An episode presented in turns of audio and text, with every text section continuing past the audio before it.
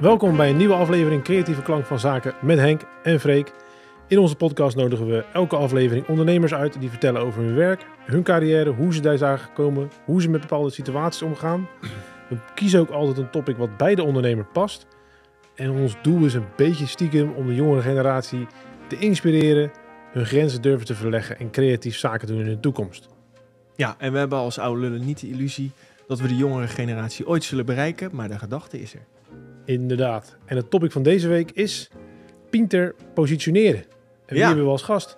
Ja, dat ga ik vertellen. Dit eh, is een echte marketingman die met hele spannende dingen bezig is.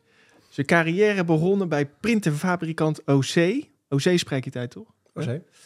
Eh, uitgeroeid tot marketingmanager, waar hij de kneepjes van het vak leerde tot Canon de hele boel opkocht. Canon, man. Japans bedrijf. Hè? Groot Japans bedrijf. Ja, bizar. Vervolgens overgestapt naar de Nederlandse Energiemaatschappij, waar hij naast de marketing ook de klanttevredenheid op zich nam. Vervolgens verander, veranderde een Haags hopje tijdens een diner zijn hele leven. Hij bedacht dat kunnen wij ook. Zo ontstonden de bouwsteentjes van Rotterdam, oftewel Rotterdammertjes. Dat smaakte blijkbaar naar meer, want nu heeft hij onder andere een chocoladefabriek, acht webshops en een gloedhagelnieuw eigen chocolademerk, Happy Trails, waar hij de strijd aangaat met alle machtige aanmerken. Naast ondernemen kan hij ook weergaloos keepen. We hebben bloed, zweet en tranen gedeeld op het heilige gras van VOC. Vader van twee schitterende kinderen en een bloedmooie vrouw. Oh ja, en ook toevallig mijn achterneef. Het is Olaf Ouwekerk. Leuk om hier te gast te zijn. Ja, nou leuk dat je er bent, man. Ik ga ehm, gelijk een vraag stellen aan je. Nou, mag. En dat is voordat we het gaan hebben over de snoepbusiness die je aan het veroveren bent, willen we eerst nog wat meer weten over je verleden. Heb jij eh, school gedaan en heb je daar spijt van? Eh, ik heb zeker school gedaan. Eh, op de middelbare school met jou gezeten. Op het Montessori Lyceum. En daarna ben ik gaan studeren op de universiteit. Heb je, je hebt VWO gedaan? Nee, ik heb het met een tussenstap gedaan, dat moet ik zeggen. Dus ik heb eerst de HBO gedaan en daarna Erasmus Universiteit. Vier jaar HBO? Vier jaar HBO en toen nog twee jaar universiteit. Jezus, waar je zin in hebt. Ja, En eh dat HBO was commerciële gebeuren. dat was die eh, Commerciële gebeuren? commerciële economie. Gewoon iets wat iedereen eigenlijk deed. Ja, je deed of communicatie of commerciële economie. Precies. En ik wist ook echt nog niet wat ik wilde toen ik eh, op mijn zeventiende moest gaan studeren. Ik had de HAVO afgerond, allemaal prima. Ehm, ik woonde nog eventjes thuis en echt 300 meter van mijn ouders huis af was de HES, zeg maar, eh, wat nu de Hogeschool Rotterdam is. Ja. Dus die stap was eigenlijk snel gegaan. Ik ben naar één open dag gegaan en toen was de keuze gemaakt. Maar dat ging me toen wel heel vrij makkelijk af. En eigenlijk werd ik een beetje getriggerd door mogelijk toekomstige werkgevers zoals Unilever, Procter Gamble. Die eigenlijk allemaal overal zeiden veel, als je wil, wil kan werken. Want retail leek me altijd al leuk. Dan eh, heb je universiteit nodig. En dat was eigenlijk Is dat zo? de reden dat ik nog universiteit ben gaan doen. Ja, ja, en zeker om daar wat hoger op in de ladder te komen. Ik hoorde dat eh, eh, die meneer Van Heineken ook eh, zeggen, Robert, Robert. vorige keer. Ja, is dat een universitaire diploma of academisch diploma belangrijk. En aan de andere kant, ik was vrij snel klaar met mijn hbo-studie. En toen dacht ik van ja, waarom er niet nog twee jaartjes bij plussen. Dat afstuderen werd toen nog wel een ander verhaal, maar dat, dat ben ik uiteindelijk ook netjes afgestudeerd. Dat ik te anders, ja. Do- ja, dag. Zeker, of master heet dat tegenwoordig, maar eh, dat komt allemaal Heb jij dat achter je naam staan? Eh, nou, ik zet het niet achter mijn naam, maar ik, zou het achter mijn naam mogen Dat is zetten. toch kick? Ja, dat is mijn droom. Ik zet Ja. het er wel eens bij, gewoon als grap. Maar- Ja, Maar je bent een anti-school, maar jouw droom is om dokter anders te zijn. maar de titels kan je Nou ja, ik vind dat gewoon, als iemand een titel bij zijn naam heeft staan, vind ik, dan, ja, dan ga ik toch anders naar diegene kijken. Denk ik, oké. jij bent door de, door, de, door, door de trenches ben jij gegaan. Ja, nou, dat is, dan, waarschijnlijk heb je er geen spijt van dan. Nee, nee dat af, ik moet je wel zeggen dat, dat afstuderen, weet je, kijk, uiteindelijk op zo'n HBO zit er gewoon een kop en een staart zeg maar, aan een eindstage of een afstudeeropdracht. Bij de universiteit laten ze dat volledig bij jezelf eh, liggen. Dus in theorie kan je er heel lang over doen. En dat duurde bij mij dus ook heel erg lang. Want ik, had, ik ben ooit bij OC terechtgekomen, eh een printerfabrikant met de roots, een Nederlands bedrijf met de roots in Venlo. Ik zat op het verkoopkantoor in, eh Den Bosch, hartstikke leuke tijd. Ehm, daar ging ik afstuderen en daar ging ik onderzoek doen. Maar ja, na, na een week vond ik eigenlijk, zeg maar, die andere dingen die daar gebeurden, vond ik natuurlijk al veel leuker. En eh, mijn manager destijds, fantastische vent, die had het me ook wel lastig gemaakt. Want die zei al na een week veel, ja, misschien moet ik je niet gewoon al meteen een contract aanbieden. Want eh, eh, ik heb bepaalde behoeftes en dat was toen op de HR-afdeling. Ik heb overigens Human Resources masters, master gedaan vanuit bedrijfskunde, zeg maar. En, ehm, en dat vond ik ook een leuk avontuur. Dus toen zei, ja, daar ging natuurlijk al mijn energie eh, naartoe. Ik tekende een contract, ik kreeg een autootje, weet je, wel, ik kreeg toen eh, een Blackberry, wat natuurlijk helemaal te gek was. Dat is een En, eh, rood autootje, toch? een rood autootje, een Ja. minnetje, ja. Dat was mooi. hartstikke leuk. En zo reed ik elke dag van Rotterdam naar de bos. Met heel veel plezier. Maar ja, van het afstuderen kwam natuurlijk niks meer. En eh, kijk, zo'n afstudeerbegeleider... ja, die laat die eerste maanden wat, wat ze horen. Maar op een gegeven moment denkt hij van... joh, de tering, weet je wel, zoek het maar lekker zelf uit. En dan is die motivatie vinden wel heel lastig. Eh, en zeker elk weekend of elk vrij moment... dacht je eigenlijk van ja, shit, weet je volgens mij moet ik iets anders doen dan plezier maken. Eh, en moet ik afstuderen. Maar uiteindelijk na twee jaar eh, ben ik toen alsnog afgestudeerd. En het mooie was, dus ik had weer contact opgenomen met mijn afstudeerbegeleider Bart Diets. En ehm, nou, die relatie moest duidelijk in de ere hersteld worden, want hij was kwaad en teleurgesteld. Of het een spel was, weet ik niet. Maar ehm, ja, zo leek het in ieder geval. En ik, had altijd wel, ik was altijd wel een beetje bang van hem, ondanks dat hij maar een paar jaar ouder was. Ehm, en eh, dus ik op de knieën en ik zei van ja, weet je, maar ik ga het nu echt goed doen. En eh, sterker nog, eh, ik heb een maand vrijgenomen. want ik kan die druk niet meer aan. Het moet nu gewoon gebeuren. Want dan heb ik eindelijk dat papiertje. Toen zei nou, dan gaan we ervoor. En toen na een maand had ik het ook afgerond. Het enige, toen ik mijn ehm, scriptie inleverde om te moeten verdedigen... toen kreeg ik alleen bericht van de examencommissie van... joh, ben je ervan op de hoogte dat al je cijfers verlopen zijn?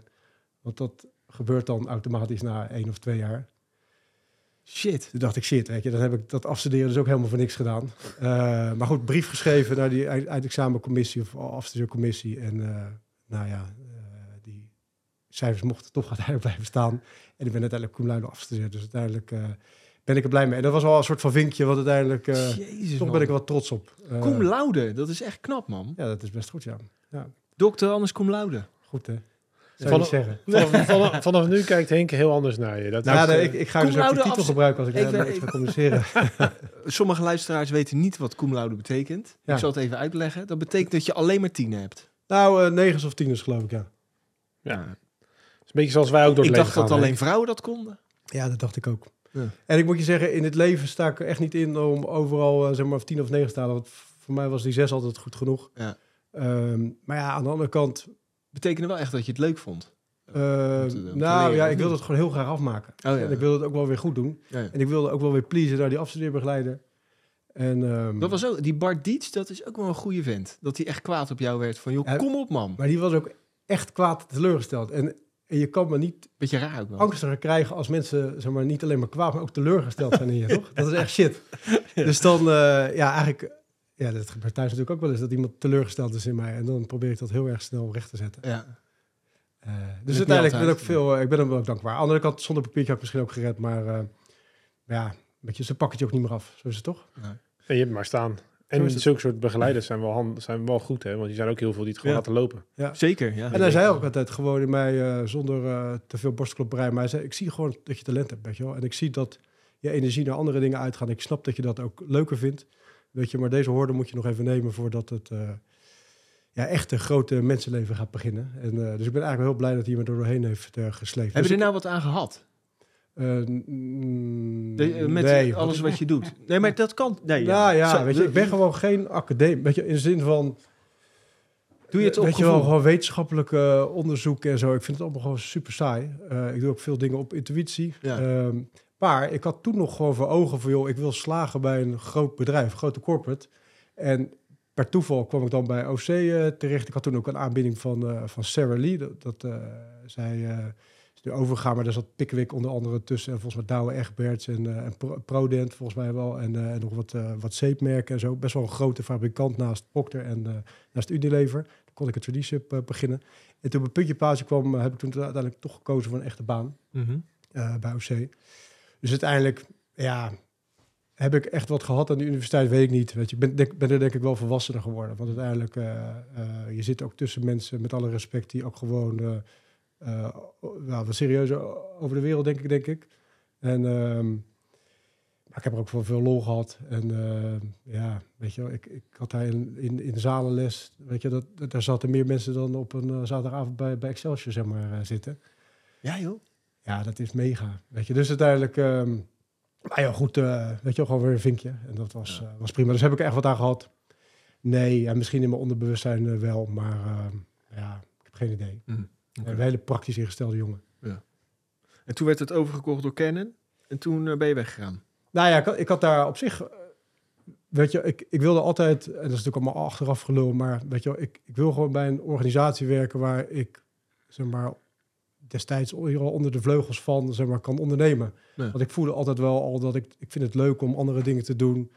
Ik vind het leuk om net even dat extra stapje te zetten. Eh, ik was creatief, ik, ik, ik probeerde altijd op andere manieren naar dingen te kijken.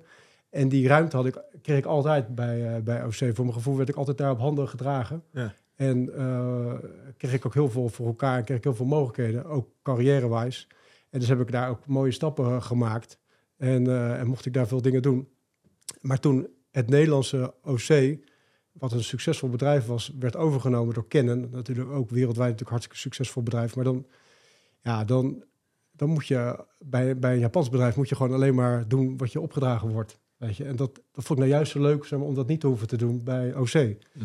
En ehm, aan de andere kant, ik heb daar heel veel gedaan en eh, ik heb daar ook nog heel veel Je bent nog wel gebleven. met, eh, met mensen. Wat zeg je? je bent er nog wel even gebleven. Ja, zeker. Want uiteindelijk zo'n integratie is ook hartstikke interessant. Toen zag je ook wel dat, dat de bloedgroepen ook heel anders eh, waren. Dus de, de collega's die uit Amstelveen kwamen, dat was toch eigenlijk een heel ander profiel dan de mensen die in de bos zaten. En die eigenlijk dan heel Nederland werkten.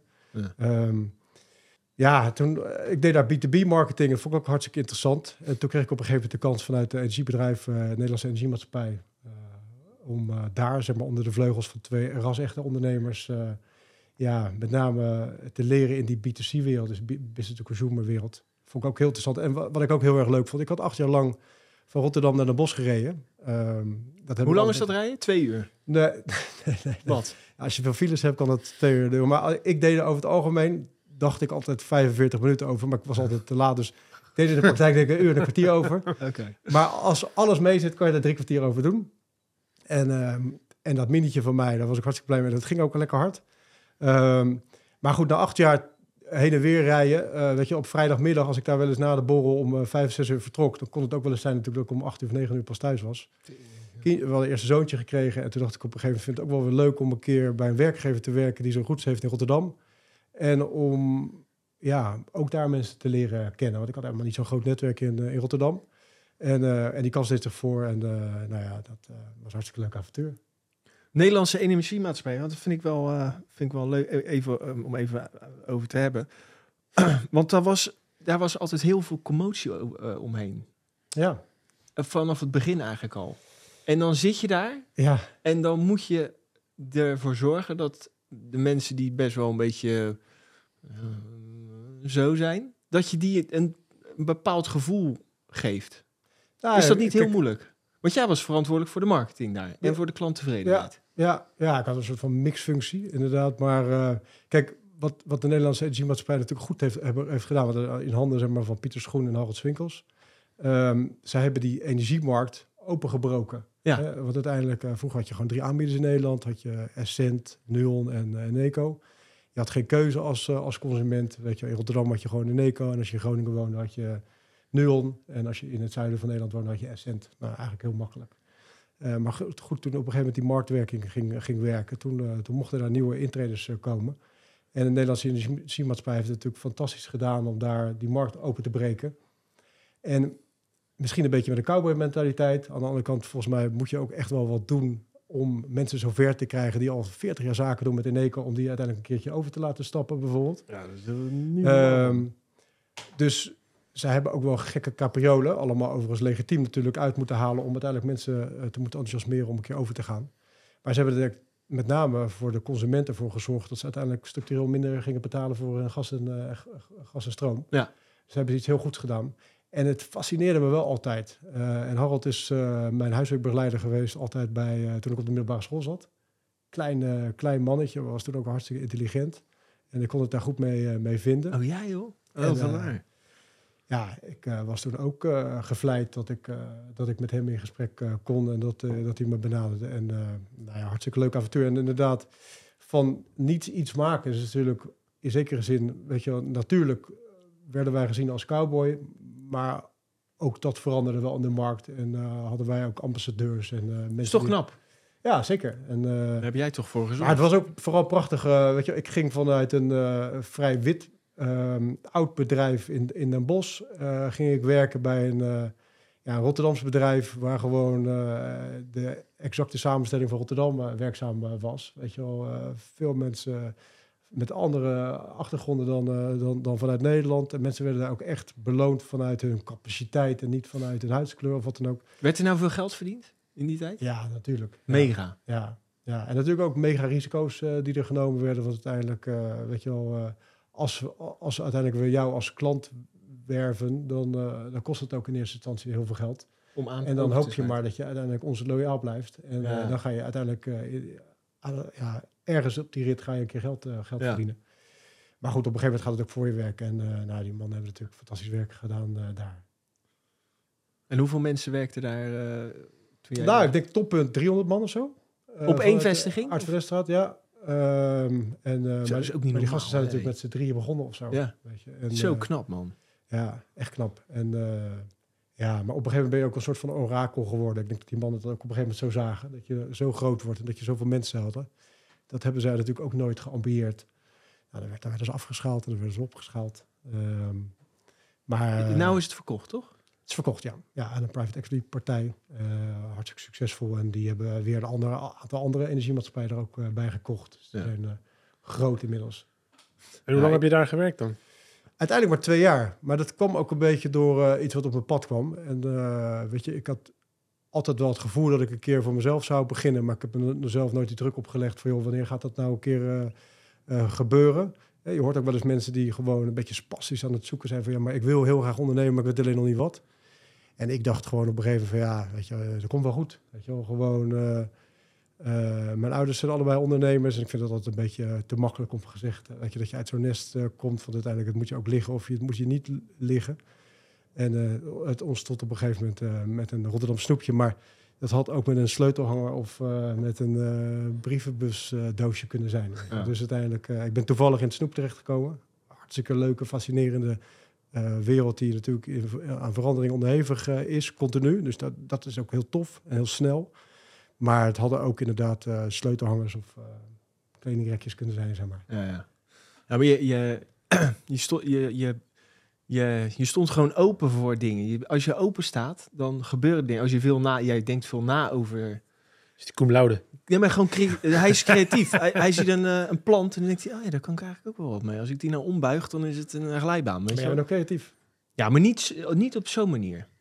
Met, met, met vormpjes en dingetjes. Jij hebt dat met film. Ja, nee. dat, eh, Hij heeft dat met eh, kansen. Wap, dan ziet hij het. Maar dat zit je natuurlijk ook wel eens in de weg. Toch? Tenminste, dat herken je ook wel, toch? Want uiteindelijk, mijn, mijn hoofd loopt altijd over. Ja, dat, maar. dat, dat, maar dat, was, dat wil ik ook vragen. Word jij er niet gek van ook? Ja, wel eens. Weet je, kijk, uiteindelijk ideeën komen en gaan, weet je. Dus dat is ook uiteindelijk wat je, wat je weet. Maar uiteindelijk, ik moet ook wel gedempt worden. En nu heb ik inmiddels eh, een eh, hartstikke goede compagnon. Hè? En die, die, die heeft volledig een andere bloedgroep, zeg maar. Die staat echt aan de andere kant. Ik kan het goed met hem vinden. Ik heb Eh. hem nog nooit ontmoet. Ja, dat gaat een keer gebeuren. Ik zag hem in, de, in, de, in het interview. Dat was een leuk interview op de... Wat was dat nou? Business eh, TV of zo? Ik weet niet. Ja, zou kunnen. Maar Maar een inderdaad... hele eh, andere Eh, soort jongen. zachtaardige Leuk, vent, daar komen we zo ongetwijfeld op. Maar inderdaad, jongen met zijn roots bij Jamin. En, ehm, maar die is veel beter in de cijfertjes. En met name aan de achterkant dingen goed zetten. En Top, die, heeft ook, die is heel rationeel. En ik ben heel emotioneel uiteindelijk wel. Eh, en die kan ook blijven nadenken. Die kan ook onderhandelingen voeren met grote ketens. Waarvan ik zeg van ja, weet je, als ze niet willen, dan willen ze niet. En hij zegt nee, joh, het is gewoon een proces. Weet je, en dan, dan komen we het helemaal. Oh, jij Eh. zegt, joh, flikker op man. Als je niet wil, dan... Nou ja, ik, kijk, uiteindelijk, misschien ben ik wat dat betreft dan geen goede zakenman, maar als je met mij zaken doet, krijg je gewoon in één keer de beste prijs, weet je, want ik wil gewoon snel door. En, Hoor je het? Ik heb er allemaal geen zin in, weet je, die spelletjes. Juist. En, maar ja, de wereld is nou eenmaal een spel, weet je. En, en sommige mensen kunnen die spelletjes nou eenmaal beter spelen. En Jury ehm, vindt die spelletjes spelen leuk, want eh, hij is jarenlang inkoper geweest bij, eh, bij, bij, eh, bij Jamin. Dus heeft die spelletjes natuurlijk altijd zelf gespeeld. Ja, ook op een leuke manier, maar... Ja, ach. Dus uiteindelijk word je, word je niet wel eens gek van, van jezelf. Ja, natuurlijk, weet je wel. Dus uiteindelijk, Jury zegt af en toe, kom aan, weet je wel, gast, weet je wel, doe rustig. We zijn nu hiermee bezig, we gaan niet meteen weer hoppen naar het volgende. En thuis heb ik natuurlijk ook wel eens, eh, soms s'avonds laat, zeg ik dan tegen Anouk, dan liggen we in bed en dan liggen we inderdaad zo'n Videoland-achtige serie te kijken. En dan zeg ik Anouk, wat zou je hiervan zitten, zeggen. En eh, Anouk is eigenlijk veel beter dan ik eigenlijk met bepaalde dingen. Denk ook vanuit onderbuikgevoel. Eh. En die kan zich ook gewoon focus- focussen. Sterker nog, het is juist haar valkuil. Ze heeft ook gewoon gezegd, joh, ik wil wel andere dingen, maar ik weet ook gewoon dat ik me op één ding moet focussen. Ja. En ik heb me daar nooit bij neergelegd, zeg maar. Dus uiteindelijk, dan krijg je natuurlijk meteen eh, te horen thuis van, joh, ik heb daar nu geen zin om over te praten. En dan denk ik ook, oké, oké, maar dan schrijf ik het even op in mijn telefoon. En Ja. dan, als zij slaapt, ga ik er even rustig over verder nadenken. Eh, nee, ja, ja, het heeft ze voor en nadelen, toch? Ja, Zo is nee, het. zeker. Maar ik word er wel eens gek van. Ik had een keer... eh je zei dat hij eh, compagnon inkoper was bij Diamin. Ik had een keer een gozer en die zei tegen mij... Ik heb een heel lekker snoepje gekocht en eh, je- je- ik was in Rotterdam en... ja, ik zeg, ja, waar heb je het gehaald dan? Ja, Jamin. Dus ja, ja, ja, en de eerste paar minuten dacht ik... Welke winkel bedoelt deze gozer nou? Ja, hij zat op de lijnbaan. Dus ik denk, ja, snoep zeker op de lijnbaan. Ja, Jamin. Ik zeg maar zo... Oh, die Jamin bedoel je gewoon, weet je? Ja, ja, ja. Maar dat zijn, eh, de ene zegt inderdaad Jamin, en dat is dan de chique tak, denk ik. En de andere zegt gewoon inderdaad Jamin. Ik weet ook niet wat het van origine is, zeg maar. Het zou best wel kunnen zijn dat het ook echt de Jamin Jamin. is. Onze ouders kochten daar Acetion? gewoon snoep, hè? Acetion is het er ook, toch? Acetion. Dat is de action. Action. Oh ja, ja, zeker. Als je ja. fancy bent, dan... eh. Ja. Maar je, je kreeg een snoepje een keertje aangeboden en toen dacht je, ik ga een snoepje bouwen. Nee, het zat bij de rekening. Een hopje. Nou, ik, ik heb ooit dan ook eh, mijn vrouw, hè, dus die ken ik nu 13 jaar. Of Is die ooit mee uit eten gegaan? Vriendin, ja. En die heb ik ooit in Den Haag ontmoet. En eh, op een gegeven moment is ze naar Rotterdam eh, gekomen, zijn we gaan samenwonen. Op een gegeven moment een kindje gekregen en toen op een gegeven moment twee. Maar volgens mij was het moment dat we net een eerste kindje hadden. Toen, eh, ja, we gingen gewoon wel eens nog terug naar Den Haag. Weet je, wat uiteindelijk je ziet. Jij, jij woont in Den Haag, eh Freek, begrijp Mhm. ik. Eh, maar ehm, toch als Rotterdammer of Amsterdammer is het geen logische stap, weet je, om, om, om een avondje op stap te gaan in Den Haag. Terwijl Den Haag heeft best wel een beetje saai, maar heeft wel veel te bieden, als je Ja. het kent. Ehm, en eh, hoe heet het? eh, ja, zodoende ben ik ook ooit een keer, zeg maar, met een kroegentocht ben ik daar eh terechtgekomen. Want Den Haag heeft prachtige oude bruine cafés nog, waar- die, die in Rotterdam eigenlijk een beetje verdwijnen. En, ehm, en toen ben ik Anouk dus letterlijk in een karaokebar tegengekomen.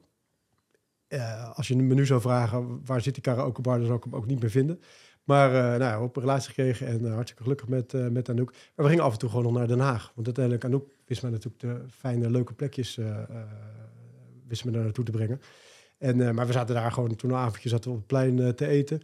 En toen kregen we bij de, bij de bon, bij het afrekenen, kregen we zo'n Haags hopje. Zoals je bij meerdere restaurants een Napoleon snoepje krijgt of een pepermuntje of zoiets, verfrissing. En toen nou, ik had het ding in mijn hand. En ik natuurlijk, ik, ik hou niet van koffie, dus ik hou ook zo'n zo, zo'n mokka snoepje vind ik ook niet, eh, niet lekker. Maar toen dacht ik wel van, hé, dat hebben we helemaal niet in Rotterdam. En ik ben altijd wel zeg maar, trots geweest op, eh, op Rotterdam. En ehm, toen dacht ik, ja, ik kon het, ik kon het idee zeg maar, van een eventueel Rotterdam snoepje, want dat was er dus al niet, kon ik niet echt opzij eh, zetten. En ik bleef erover nadenken en ik, af en toe zet ik in mijn notities zet ik wat soort van verhaallijn. Toen dacht ik van, joh, fuck it, weet je, ik ga gewoon eens kijken, gewoon naast mijn werk. Gewoon hoe ver ik kom met een soort van verhaal schrijven. Eh, kijken of ik ergens dat snoepje kan laten maken, laten produceren in Rotterdam. Want dat was altijd voor het verhaal natuurlijk het mooiste. Weet je wel, van Rotterdam, van Rotterdammers voor Rotterdammers. En ehm, ja, zo waar lukte dat. En eh, ik weet nog dat ik, eh, ik ging toen, dus ik, op, ik had een, een partij gevonden, zeg maar, die in Rotterdam nog zat. Napoleon. Dat is uiteindelijk een groot, groot bedrijf, wat onder andere Antafloen natuurlijk ook. Zit dat in Rotterdam? heeft. Dat heeft zijn roots in Rotterdam. Oh ja, lachen man. Eh, destijds, toen ik contact met ze had, zaten ze ook nog in Rotterdam. En zijn er iets verhuisd. Ehm, maar ik legde dat verhaal uit. En toen hoorde ik ook al zo'n jongen aan de andere kant van de lijn. Weet je wel, duidelijk. Zo, die dacht van, oké, weet je, zo'n dromer. Weet je, die wil een eigen snoepje beginnen. Ze hebben er vandaag nog zes gasten gebeld. Hij had allemaal, ja... Hij opperde in ieder geval allemaal dingen waarom ik het vooral niet eh, moest doen.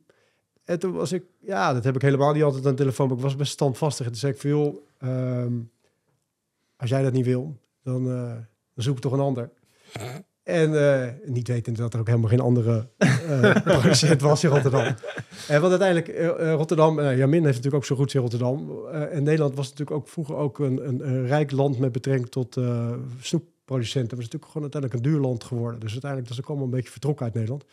Maar ehm, toen zei hij, dat dus was wel iets goeds wat ik gezegd had aan de telefoon. Ehm, en hij zei, nou, weet je wat, ik ga nog eventjes met mijn leidinggevende, zeg maar de, eigenaar of directeur eh, spreken. En ik laat je morgen wel weten. Dus, dacht van, nou, dus ik hing op met een beetje zo'n dubbel gevoel van, joh, het kan alle kanten op. En zo waar ik werd, 's morgens vroeg werd, ik door hem teruggebeld. Hij zei, nou, ik ga je misschien blij maken. Hij zegt, eh, weet je, wij komen uit Rotterdam, maar we doen eigenlijk helemaal niks meer eh, met, met Rotterdam. En eigenlijk, ja, onze roots liggen hier, dus kom nou gewoon eens naar ons kantoor. En, eh, dus ik ben naar een kantoor eh, gereden. Ze zaten op, eh, ehm, op de Delftweg in Overschie. Oh, en ehm, hij zei, laten we eens kijken wat we voor elkaar kunnen betekenen. En ehm, nou ja, daar is eigenlijk, zijn de Rotterdammetjes via de bouwsteentjes van Rotterdam uit voort, voortgekomen. Eerst snoepje. En ja, hartstikke leuk avontuur waar ik er van alles over kan vertellen. Maar Ja. ik weet niet wat je, wat je over wil. Nou, ik- we, je, je had die snoepjes gemaakt met een bepaald verhaal. Dat het, het zijn bouwsteentjes, toch? ja, En toen kwam jij eh, op de voetbal en dan weet ik nog, toen nam jij die zo'n doosje mee. Dat vonden wij allemaal zo mooi, joh, dat jij die bouwsteentjes had. Dus eh, het, het smaakte heel, het is heel apart smaakje. Is het. zeker. Moet ze een keer, eh, ja, we gaan nu niet eh, snoepje nemen, want dan is het vervelend voor de luisteraar, denk ik. Ik, nee, ik, ik laat dat doosje voor je achter. Ja, top. Nou, te gek, man. Ehm, je had die smaak had je met die producent bepaald? Of eh, zei jij van, ik wil het een beetje hetzelfde als hopje? Maar nou het is ja, ik zat natuurlijk ook een beetje... Dus uiteindelijk ik dacht eerst van, joh, we moeten een koffiesnoepje. Want uiteindelijk als het, als het die functie krijgt... En, en, en dan... eh, dat- ik zat natuurlijk wel een soort van te denken in afzet. Van ja, als we dat nou flowpacken en we doen dat eh, een soort van koffiesmaak... Dan, dan past dat ook goed bij de rekening of bij de koffie. Maar ja, er zijn natuurlijk ook best wel veel snoepjes die die behoefte invullen. En ik dacht, wat past er nou bij? Want uiteindelijk ik dacht ook van ja, maar mensen gaan natuurlijk de vraag stellen van ja, maar waarom is dat dan een Rotterdam snoepje? En ik moest dat natuurlijk wel een beetje kunnen beargumenteren. ja, mooi verhaal maken. Dus toen dacht ik van ja, weet je, kaneel, dat zou wel kunnen. Dat, weet je, het moest een snoepje zijn, zeg maar wat na twee jaar, waarbij mensen het ook het idee hadden van joh, dat bestaat natuurlijk al honderd jaar. Weet je, en dat heb ik misschien even gemist, dat avontuur, maar dat, dat snoepje is er al gewoon eh, een eeuw lang. En dus ik dacht, weet je, ik moet ook wel een beetje smaakstoffen gebruiken die een beetje oud overkomen. Dus ik dacht, kaneel vindt iedereen, eh, vindt iedereen lekker. En dat is een specerij. En, en eh, dat zou altijd via de Maas zeg maar, vervoerd kunnen zijn naar Rotterdam. Ehm, we wilden wat sinaasappel, een vleugje sinaasappel aan toevoegen. Want uiteindelijk, eh, ja, volgens mij ten heden ten dagen hebben we nog steeds de grootste fruithaven van, van, van, van Europa. En zo bedacht ik gewoon mijn verhaallijn. En, en Maar dus, beetje- je, je bedacht gewoon, elke ingrediënt moet passen bij het verhaal. Ja, een beetje wel. Weet je? En, en, Ja. en, dat, en dat mint wat er nu een beetje in zit, dat was meer het functionele. Want uiteindelijk moesten we wel die, die frisse nasmaak hebben. Maar we hebben heel veel dingen getest. Want als je gewoon te veel kaneel ergens in doet, dat is hetzelfde als die, eh, die ballen die je vroeger nam. Die fireballs, Ja. kaneel. Is natuurlijk super pittig. Weet je? Dus uiteindelijk, je moet daar een beetje een, eh, een mengelmoes in, eh, in vinden. En ehm, toen zijn we tot die smaak gekomen. Ik moet zeggen dat... ehm, dat is ook een, leuk avontuur, maar daar kom ik zo wel op. Maar weet het, eh, uiteindelijk die snoepjes waren eerst te groot en die heb ik dan uiteindelijk kleiner gemaakt. Want uiteindelijk, ik werkte gewoon bij een werkgever en eh, eh, Deed er ik kon bij. elke maand eh, de rekeningen betalen. Maar het is niet dat ik een eh, enorm spaarrekening of zoiets had. Dus ik moest ook een beetje concessies doen in de mogelijkheden. En ik wist toen ook niet dat zo'n eh, zo'n mal maken voor zo'n snoepje, dat het ook gewoon eh, 10.000 of 15.000 euro kost. Dus ik moest het doen met een mal die er al was. En eh, ik had een mal gevonden van een, eh, van een snoepje wat in Engeland heel succesvol eh, was. Eh, een beetje groot, maar ik dacht van ja, laten we het gewoon proberen. En ik dacht ook gewoon van Rotterdam, weet je wel, eh, het moet ook weet je wel, een grote bek, weet je, het past dan ook gewoon op. Het mag ook een beetje groot zijn. En het moet pittig zijn. Ja. En het, moet, eh, het hoeft geen andermans, andermans vriend te zijn, die smaak. En eh, ja, zo heb ik het natuurlijk een beetje goed proberen te, te breien. Maar ik moet je zeggen, er zijn wel wat, eh, zeker op smaak hebben we, hebben we die uiteindelijk wel wat milder gemaakt. Omdat mensen vonden dat soepje toch best wel heftig. Maar het was voor mij gewoon een verhaal. Het moest gewoon een soort van souvenir zijn. kloppen. Als jij Rotterdam zou bezoeken, dan moest je de snoepjes eh, meenemen. En, ehm, en dat werd een succes. En dat werd uiteindelijk een succes. Ja, in ieder geval dus een succes. Hè, dat is allemaal betrekkelijk. Maar het werd in ieder geval eh, de start van mijn eh, eigen ondernemersavontuur. Ja. Hoeveel snoepjes heb je gegeten voordat je bij de juiste smaak kwam? Eh, ja, dat waren er denk ik best wel veel. Eh, en ik liet natuurlijk ook wel her en der mensen proeven. Eh, ik heb ook nog wel een beetje zitten twisten met smaken. Joh, maar wat is nou de smaak van, van Rotterdam? En op een gegeven moment heb ik een beetje me neergelegd. dacht van, fuck it, dit is het gewoon.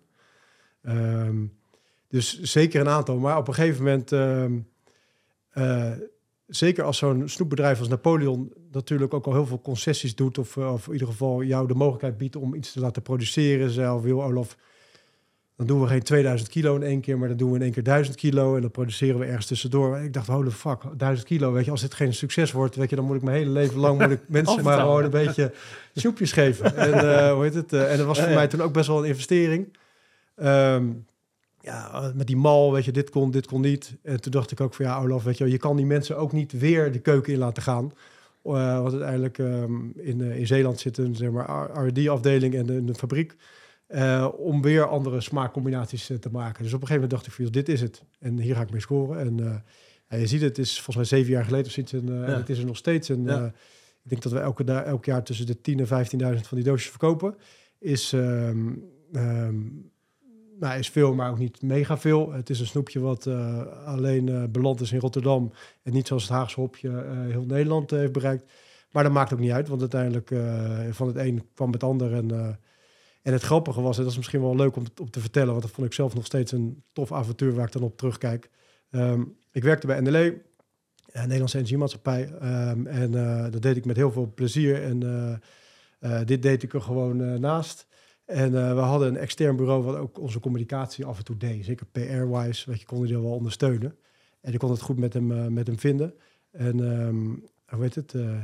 En we hadden het natuurlijk ook over andere dingen dan gewoon over werk. En ik zei van, nou, ik ben met een Rotterdam snoepje bezig. En hij was echt een Amsterdammer. Maar hij had zijn achtergrond zat bij het Algemeen Dagblad. Weet je, dus ik denk Amsterdam editie of zo. Um, dus hij is heel lang journalist geweest voordat hij voor zichzelf begonnen is. Het zit ook wat leuk, joh. Ben je bijna klaar? Ik zei, ja, ben bijna klaar, maar nog niet helemaal. Ik zeg, die doosjes komen net te druk en ik heb nog geen webshop of website. Maar in grote lijnen is het wel klaar. Hij zei, oh, nou, ik ken hartstikke veel mensen op, op, bij het Algemeen Dagblad. Moet ik het niet een keer pitchen voor je? Toen dacht ik van, van ja, weet je, was ik voor mij een nieuwe wereld. Baat het niet, dan gaat het niet. Um, ja, als we een journalist bereid weten te vinden om over een paar weken over dit te schrijven, dan is het natuurlijk te gek. Ja. Maar nogmaals, snoepjes waren wel geproduceerd, doosjes waren af, maar het was allemaal nog geen dingen. En um, op iets voordat ik me... Dus ik had op, dus ik had spulletjes daarop doorgestuurd. Uh, en uh, volgens mij die, diezelfde dag, um, iets voordat ik mijn laptop uitdeed, weet je, op kantoor om naar huis te gaan, nog één keer refreshen bij mail, even kijken of wil, ziet het er goed uit. En toen kreeg ik een berichtje van het Algemene Dagblad. Uh, nou, hartstikke leuk dat je hier aandacht aan wilt besteden. En dit is de opmaak van het, van het krantenartikel en morgen staat in de krant. Fuck, weet je, maar ik ben al helemaal niet klaar. dat, dus ik zei, shit, weet je, moet ik dat nou herroepen? Want dat, daar worden die journalisten ook niet altijd blij van. Of moet ik er nu gewoon voor gaan en kijken waar het schip strandt? En ik belde een vriend van mij op die altijd bij Rijnmond had gewerkt. Bas van Halderen. En ik zei, joh Bas, dit is de situatie. Hoe moet ik ermee omgaan? Hij zei, ja, dan moet je ook gewoon Radio Rijnmond, TV Rijnmond natuurlijk bellen. Want iedereen wil de scoop hebben natuurlijk. Want anders is het gewoon achterhaald nieuws. En ik dacht ja, maar ik zit in een verbouwing en ik ben van het ene huis naar het andere huis aan het gaan. Dat komt helemaal niet uit. Hij zegt, fuck het, weet je, je moet gewoon de redactie bellen en, uh, en kijken of ze wat me willen. En anders heb je gewoon algemeen dagblad en het verbaast je, zeg maar, hoe goed dat nog gelezen wordt, zeg maar, in, in Rotterdam, ja. Rotterdam editie. Um, en um, op ik zo uh, naar huis uh, en uh, op Rijnmond bellen. En die zeiden, joh, ik ga even overleggen met de redactie. En die zeiden, joh, we willen nu naar je toe komen, want we willen een video-item maken en we willen een radio-item maken. En voor de website dan. Ik zei, oké. Okay. maar hadden natuurlijk nog steeds geen idee wat er ging gebeuren. En het is natuurlijk allemaal, natuurlijk allemaal op Rotterdamse schaal. Hè? We begrijpen me niet verkeerd. Maar die dag daarna, voor mijn gevoel, ontplofte de wereld, weet je wel. Uiteindelijk, ik stond groot in het Algemeen Dagblad. Ehm, het was komkommertijd in, in Nederland. Um, dit was het staartje van de zomer, zeg maar, volgens mij. En um, ja, ik werd gewoon door iedereen gebeld. Weet je, ik werd door 538 gebeld, door Veronica. Ik stond op NOS Teletext. Weet je, Rotterdam, of, uh, Rotterdam is nu ook een, heeft nu ook een eigen snoepje. Ik werd de RTL gebeld, weet je wel, Editie NL. Uh, wilde filmen. Ja, ik dacht, wat de fuck gebeurt hier? Uh? En, en, sterker nog, ik kreeg gewoon mailtjes van mensen van joh, ik, wil, ik ben u dankbaar dat u voor Rotterdam een snoepje heeft gemaakt. Weet je, ik dacht zo, weet je wat. Een fanmail. ja, een soort van fanmail, ja. um, ik voelde me gewoon, weet je wel, dat je dan naar buiten loopt en dat je gewoon om je heen kijkt, dat je denkt van joh, maar herken je? Volgens mij herkennen wij mensen mij. dat was ook heel snel over. Ja, ja, ja. Maar dat was natuurlijk uh, een prachtig uh, adrenaline-avontuur, zeg maar. Ja, ja, tuurlijk. En ik voelde me ook heel erg bezwaard op mijn werk, want uiteindelijk ik kreeg allemaal interviewverzoeken. Uh, ja, ik moet nu eventjes weg, of ik moet nu even weg. En dat, dat, dat, dat uh, dat, dat hield eigenlijk aan, zeg maar, de, in één, twee weken. Nou, was het ook weg overigens. Maar uh, het eerste snoepje was uh, geboren. En natuurlijk, we, we, hadden fans en we hadden mensen die er kritiek op hadden. Maar ehm, ja, een fantastische start. En eh, eigenlijk, ik denk één of twee weken nadat ik dit gestart ben, was... eh, ik had meteen leuke aanvragen van de Bijenkorf en van Donner, van de VVV. Je hebt natuurlijk best wel toffe, leuke Tuurlijk. winkels in Rotterdam. Die ook op zoek waren. En ik was het voor mijn gevoel een van de eerste snoepjes zeg maar, in Rotterdam. Weet je, er was nog niks echt eh, wat ik heb merken, het was voor Rotterdam als souvenir. En eh, leuke doosjes. En ehm, het moest een hoog cadeauwaarde hebben. En ehm, ja, toen liep ik in de gang eigenlijk om, om koffie of voor mij dan thee te halen. En aan het eind van de gang zat, eh zat Harold, zeg maar, onze, onze, mijn directeur. En iets in mij had ik gewoon het gevoel van, joh, ik had het helemaal niet bedacht, die, die, die morgen of zo. Maar toen dacht ik joh, en het was op een woensdag en dan was Harold altijd wat, wat, wat, wat chiller, zeg maar. Want hij had ook gewoon drukke dagen. En op woensdag was hij ook altijd gewoon redelijk casual gekleed. En dan, dan kon je hem ook storen, zeg maar, zonder dat je de wind van voren kreeg. En nogmaals, ik heb veel aan die man te danken. Maar inderdaad, eh, eh, ja, dat was gewoon... eh, zij waren enorm aan het groeien, dus er was ook gewoon veel stress aanwezig in dat, in dat bedrijf. Toen liep ik naar hem toe en toen dacht ik veel, uh, Harold, ik ga voor mezelf beginnen. Huilen? Nee, het was een soort van opluchting, weet je wel. Ja, maar ik bedoel, voor, eh, hij zegt, godverdomme Olaf, dat kan je niet maken, man. Nee. Jij bent onze sterspeler. Nee, ja, eh, nee, weet je, wel, kijk, uiteindelijk, eh, hij zei, die kans is me ook ooit een keer geboden, zeg maar, bij, bij, bij een bedrijf, zeg maar, om voor mezelf te beginnen. Het is een mooie kans. En ik zei wel, joh, had, eh, ik, had, een- ik had een mooie auto, die had ik ook net, in de, net gekregen, zeg maar, een nieuwe auto voor de lease. Ik zeg, joh, ik zeg, je moet me wel helpen, want ik zeg, ik heb nu allemaal orders en zo, maar ik kan het niet in, op mijn bagage dragen, zeg maar, eh, wegrijden. Dus ehm, ik, ik zeg, ik doe alles nog voor NLE eh, de komende maanden. Als je dat eh, wil, als je me terugroept, zeg maar, na een maand, dan, dan help ik je ook graag. Want ik wil goed uit elkaar, uit elkaar gaan. Ik zeg, maar mag ik in ieder geval nog een paar maanden die auto rijden? En hij zei, daar ga ik over nadenken. Toen de dag daarna moest ik erover lachen. En zei, ja, dat komt wel goed. Weet je, dat, toen hebben we het netjes afgebouwd. En, eh, toen Maar je ik hebt ze voor nog wel geadviseerd, toch? Daarna? Je, je, je hebt jezelf nog wel verhuurd af en toe. Ja, nou, niet, eh, niet verhuurd, maar gewoon, eh, weet je wel, ik, ik, ik wilde gewoon ook dingen gewoon goed afmaken. En Ja, dat, ja. eh, dat heb ik gedaan. En, eh, en het grappige was, ja, maar twee weken na lancering, het was dus zomertijd, toen kwamen mijn ouders ook terug uit Frankrijk. Die gingen altijd eh, in de zomer naar Frankrijk. En toen, eh, en ik had het ook nog niet durven zeggen tegen mijn ouders, dus dat ik mijn baan had opgezegd. Want ik had net een huis gekocht, ik had een duur groot huis gekocht. Eh, en ehm, toen zei mijn vader gekscherend toen hij naar binnen liep en zei, je kan je baan opzeggen. En toen zei ik, ja, dat heb ik ook gedaan, pap. Want ik dacht, van, ja, dan is het er maar uit. Ja. Toen zei hij, joh, je bent hartstikke gek dat je het hebt gedaan. Je hebt een huis gekocht die je anders niet kan betalen. En eh, je, hebt een, je hebt een jong kind. eh aan Oh ja, net zei een bedrijf dat? begonnen. Oeh, dat is ook wel heftig. dacht ik, weet je, dit is echt niet wat ik wilde horen, zeg maar, op dat moment. Want ik had er gewoon een soort van gehoopt dat hij zei van, joh, Goed, man. ik ben trots op je, Ja. weet je wel. En ehm, nou ja, mijn vader is sowieso altijd een beetje wat dat betreft gesloten. En het is niet iemand die heel complimenteus eh, is eh, met eh, complimentjes uitdelen. Maar s'avonds kreeg ik hartstikke lief sms'je. Van, Ja. Olaf, ik steun je in alles. En je hebt een goede keuze gemaakt. En als je ergens op terug kan vallen, ooit een keer, of je moet terugvallen, dan, dan ben ik er voor je. Perfect, man. Dus dat was top. En, ehm, en zo is mijn wereld in de snoep geboren. En van de Rotterdamse lijn werd het andere lijnen. Ja. Ja, leuk, man. Nou, we, je, we, moeten een beetje de tijd in de gaten houden. Eh, we, want ik vind het wel heel leuk om straks even die... eh, want je hebt hagelslag gemaakt en... eh, nog Amsterdamse snoepjes, weet je wel, we kunnen dat allemaal wel beha- behandelen. Maar ik vind die happy trails vind ik, vind ik wel heel spannend. En daar kunnen we het straks over hebben. Toch? Ja, ja als we gewoon Want een paar van de vragen doen van de topic, dan... eh, Want die staan, die staan echt in de Albert Heijn, hè, Freek? Die, die dingen die staan tussen Ja. de big boys. Zeker. Dus Dus ik ben wel benieuwd hoe, wat dat... eh, hoe ben je daarin geslaagd? ja. Ja, Dus nou, dat kunnen we... Ik dacht, als we eerst nou die... Eh, wat houd je bezig doet. Eerst wat je houdt je bezig. Ah, gaat alles door de war. Is goed hoor. Nee, maar dat is toch zo? Of wil jij... eh, toch? Is goed.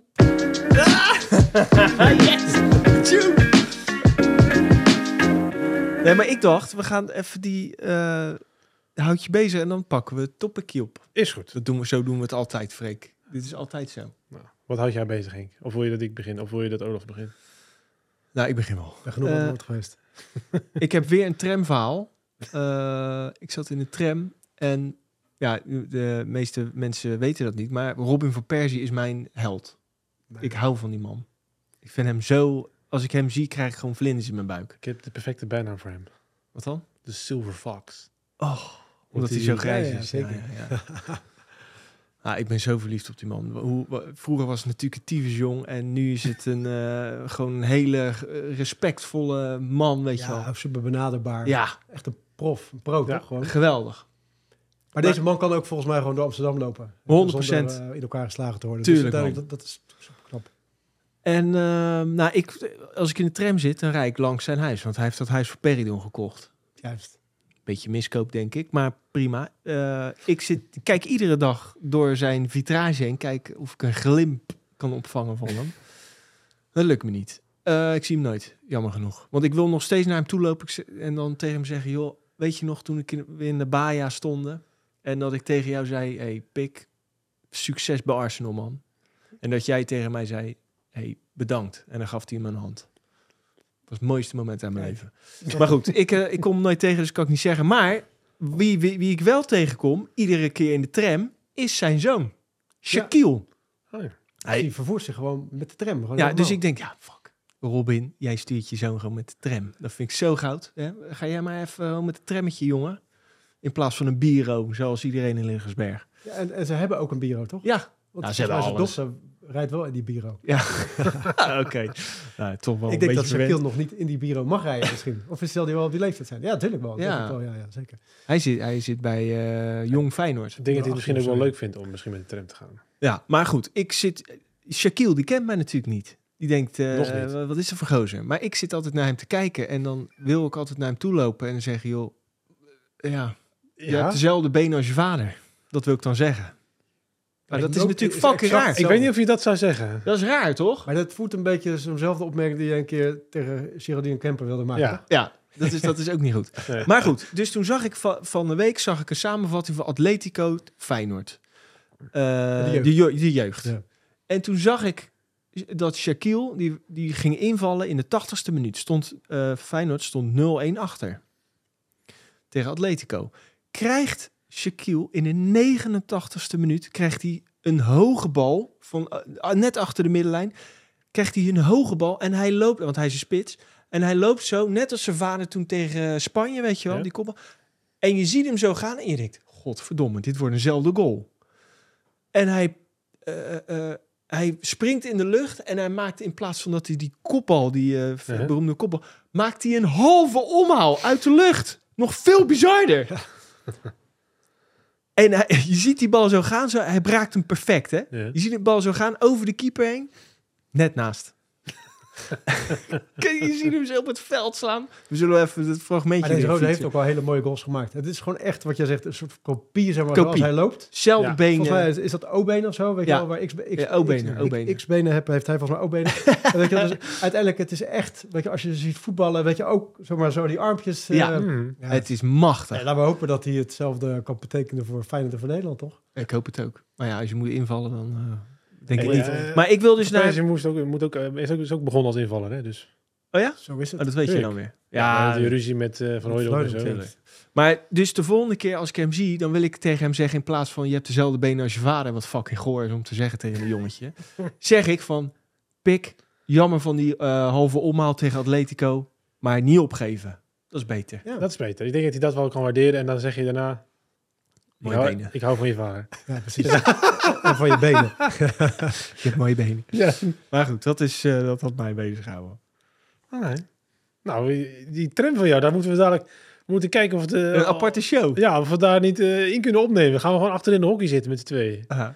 Wat we allemaal zien. Ja, Ik weet laatst... Maar eh, ga je vaak met de tram? Ja man. En dan hier, hier daar kantoor gewoon. Ja, maar Ja, vind ik heerlijk. Ja. Ik gaat- stond gisteren- maar Er is dus een hele grote kans dat, die, dat er dus een directere lijn is. Maar die gaat niet langs Van Persie's huis. en die neemt hij dan niet. Sterker nog, jij hebt ervoor gezorgd dat die tram blijft rijden, toch? Want dat was, dat, die Ja, was er in ene daar lijn 4. Ja, ja, Ja. klopt. Ja. Nou, gisteren werd ik nog uitgescholden door mijn moeder. ik wil altijd achterin staan. Met mijn rug tegen de... Want ik, ik vind het... Ik heb een beetje een eh, naar eh, terroristen dingetje. Oh. En toen... eh, want ik denk dan altijd, komt er een grote... Die schiet mij in mijn rug. Maar goed. dus, eh, Jij ziet het liever aankomen. Dus ik blijf dan achterin staan. En toen kwam er een moeder met een dochter. En die wilde ook per se daar achterin staan. Maar ik bleef gewoon staan. Dus ik ging een beetje in het hoekje staan. En toen zei, zei die vrouw... Ja, ik weet ook niet waarom die meneer blijft staan. Maar ja, ik moet hier toch met de kinderwagen staan? En toen bleef ik gewoon zo staan. en toen zei ik... Oké, ik ga wel weg. En toen ben ik... Zei ze, ja, beter. Maar goed. Nou, Nou, heb je wat goeds gedaan. ik, ik voel een topic aankomen. Henk in de tram. Wat houdt jij bezig, Freek? Eh. Jij Ja. hebt een nieuwe podcast. dat houdt me sowieso bezig. Vet. En dat is eh, Passie, Shoe Dog en de Autogek. Leuk man. Waar ik de Shoe Dog ben, de sneakerverzamelaar. En ik zit aan tafel met een hele goede vriend. En die verzamelt auto's. En, eh, dan denk je, dat zijn natuurlijk twee werelden die heel ver uit elkaar liggen. En dat is ook wel zo in aanschaf en in eh, wat je ermee doet. Maar uiteindelijk komen we op heel veel dingen kom je dan elkaar tegen. Omdat je uiteindelijk ook een verzamelaar bent. Ja. Dus je wil, dat die, je wil de geschiedenis weten. Je wil dat hij in goede staat is. Dus daar komen we op heel veel draagvlakken komen we elkaar tegen. Dat hij dan mij belachelijk maakt omdat ik heel oppas waar ik loop. Maar vervolgens gaat hij niet met de auto naar buiten als het regent.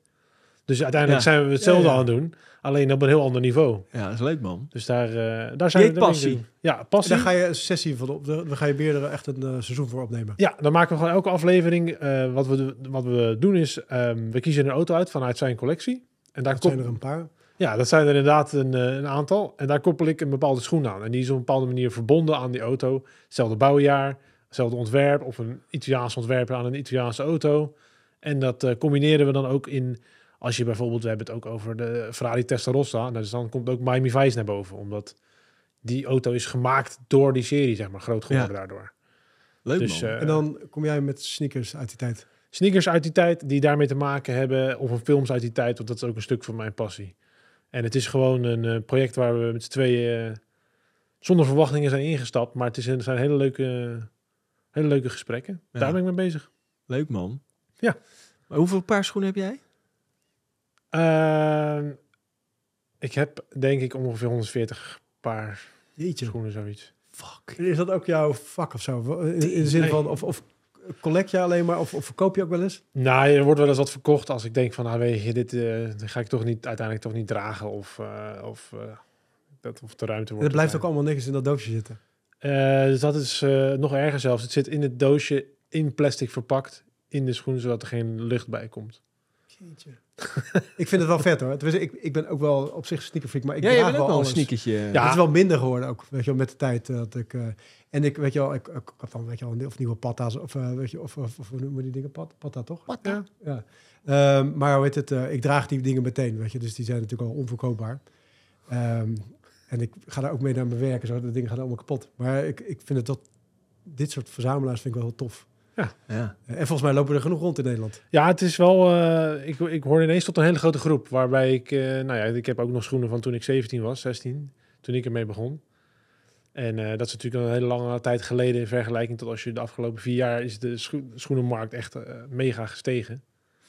Heb je ook een favoriet merk? Nike? Nou, ik vind, het, ik vind de geschiedenis van Nike, het verhaal is heel mooi. is heel goed geschreven in een boek. Daar is ook mijn naam naar vernoemd. Het boek heet Shoe Dog van Phil Knight. Ja. En het is een heel goed boek met een heel mooi verhaal. En, eh, maar ik heb niet echt een... Als ik eerder een favoriet merk zou zeggen, dan zou ik eerder Essex zeggen. oh ja, joh. Zoiets. Dat is toch wel echt iets apart, zeg maar. Nike is heel goed, maar Nike is net hetzelfde als wat je net zei. Het is een heel groot merk natuurlijk. Al Ja. heel snel heel groot geworden. Maar ja, dat houdt me wel bezig. En er komt dus een flagship store van Nike in Rotterdam, eh, Ja. eh, had ik gehoord. Naast ik, de Zara. niet- ik weet niet of jij daar blij van wordt. Nou, kijk, ik vind het gewoon goed. En ik vind het sowieso goed dat mensen... Ik draag ook veel van mijn sneakers, hoor. Dus, eh, daar zit, en ik vind het goed dat mensen erin instappen en inkomen.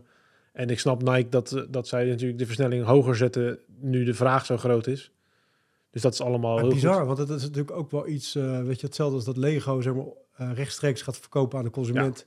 Is nu ook Nike, dus dat deden ze natuurlijk al online. Maar weet het, eh, in de winkelstraat wordt het dus ook echt een concurrent zeg maar, van de foodlockers en van de, Ja, ja. die ook hun spullen verkopen. Die zullen er minder blij Ja, maar ik denk dat Nike in de achterdeur... Kijk, ze zullen het nooit zeggen. Maar Nike, je, je creëert natuurlijk altijd hetzelfde met gelimiteerde dingen. Je creëert de vraag en aanbod. En Nike heeft natuurlijk verdient genoeg aan die schoenen. Maar in hun achterhoofd speelt natuurlijk wel dat die schoenen op de tweedehandsmarkt veel meer waard worden. Dus er zit daar veel meer winst nog in te halen. Dus ik denk dat zij gewoon steeds meer de, de mensen ertussenin willen er wegsnijden. En dan zelf maximaal Nee, schoen ik- verdienen. Ik, ik, ja, ik snap weet het je. ook wel. Maar je neemt toch roekseloos afscheid van, van de oude wereld. Ja. Aan de andere kant, eh, eh, met hun natuurlijk nog vele andere partijen. Dus op zich is het niet gek. En ehm, ja, het is nou eenmaal zo. Maar dan, dan is het, wat is dan uiteindelijk op termijn nog het onderscheidend vermogen van de voetlokkers en zo? Ja. Volgens mij is dat er niet. Want uiteindelijk, er, er zijn natuurlijk ook best wel wat ketens die eh GD Sports en, en nog wat andere Ja, partijen joh. die gewoon nu, eh, ook, maar ook de Perry's en zo volgens mij. Die, die Paddy is al wel omgeklapt. En eh, kijk, JD is natuurlijk Engels en heeft nog wel wat, wat power. Maar ja, die zullen ook niet heel veel heel lang... eh, ik denk dat je, daar hebben we wel eens met Guido over gehad in een andere uitzending. Ik denk dat de lijnbaan over tien jaar alleen maar brandstores zijn. Ja. Dus alleen maar winkels vanuit Showrooms. Een, ja, vanuit een merk. Omdat ook de huur is niet te betalen. En dan helemaal niet als je jouw leverancier twee deuren verder zit. Maar de Ja, Jamin, die blijft daar zitten. En die Jamin. Dus Jamin blijft daar zeker zitten. Nee, eh, dat is eh, goed dat je dit aanstipte. Dat is wat mij bezig heeft gehouden met mijn podcast. Oké, Ja, leuk man. Succes. Nou, eh, ja, succes. We gaan luisteren. Like en subscribe. Zeker Yes. alles wat likes. En jou, Olaf. Ofi. nou ja, ik... ehm, Weet je, deze week was ook wel weer een soort van opstartweekje voor, eh, voor mij. Maar ik, eh, wat ik zei, ik, ik word niet zo graag snel gegrepen door de televisie. En dan is misschien wel leuk, eh, wat, wat hield me bezig? ik vond dus eindelijk, of eigenlijk mijn vrouw vond eindelijk een keer een serie die wij allebei leuk vinden. Uiteindelijk, zij kijkt naar heel veel series. Zij kan er ook daar rust in vinden. En ik totaal niet, weet je. Ik ben al afgeleid. En, en, en tot irritatie van mijn vrouw haak ik ook vaak al na een minuut af. Weet je, dan zeg ik al, dit is niks voor mij. Weet je, en sommige mensen kunnen ook wel, die zeggen, wel, ja, maar je moet eventjes de tijd gunnen. Ehm, maar sommige mensen kunnen ook bijvoorbeeld ergens midden invallen. Weet je? Ja. En dat, is, dat kan ik ook niet, weet je wel. Gewoon, eh, maar nu hadden we een eh, serie en ik zei over, ja, het is nummer één serie op Netflix. eh, je moet het kijken. En die heet Fool Me Once. Fucking goed. Ja, jij wordt er echt blij van, hè? Ja, we blij van. Het was gewoon, eh want dan kijken we dus altijd s'avonds. Uh, dus als de kinderen op eh, bed liggen, op een gegeven moment zijn we af en toe. Ben je niet klaar al dan? Zeg je? Ben je niet klaar? Nee, ik ben- gisteren was het af. Ja. ja dus het- Maar daar kan je, eh, als je Fool Me Once hebt gehad, kan je weer terug naar Wintervol Liefde. precies. Of naar eh, echte vrouwen in de jungle of eh, allemaal dat soort ja. goede programma's. Wij zijn fan hè, van dat soort dingen. Zeker. Maar dat, dat, dat komt ook gewoon omdat ehm, je hoeft niet echt na te denken. Zeg maar, dat is ook wel eens lekker s'avonds. Ja man, ik vind het ook heerlijk. Maar Fool Me Once moeten we kijken? Zeker. Hartstikke leuk. Spannend. Gaan we doen. Yep. Ga je zonder jingle, hè? We moeten, Zonder jingle gaan we over naar het positioneren. we moeten eigenlijk ook een jingle voor de topic dan weer. Is goed. Ga ik aan zijn. Hij wordt helemaal gek van mij, jongen. Nee hoor, één jingle is zat. nou, ik wil het even hebben over eh, Happy Trails. Kijk, voor de YouTubers, dit is Happy Trails. Ja. Het is een, dat zijn chocoladeballen met lekkere smakies. Ja. Ja, misschien, die- misschien kun je zeggen, wat zijn de directe concurrenten hiervan? Ja, Ja, eigenlijk het volledige baardschap. Dus uiteindelijk, eh, als je met dat in je achterhoofd nu door de supermarkt eh, loopt, dan kom je in ons pad. Zeg maar, in, de- in de ene supermarkt is dat wat groter dan de ander. Dan kom je de M&M's tegen, dan kom je de Maltesers tegen, dan kom je Ah, oké. eh, Tony Chocolonies eh, tegen. Ehm, ja, bedrijven met flinke omvang, zeg maar, eh, wat onze concurrenten zijn. En hoe ben je erin geslaagd om die in die Appie Heijn eh, te krijgen? Nou, dat, dat, dat, daar gaat wel een verhaal aan vooraf. ga ik proberen om het een beetje snel te vertellen.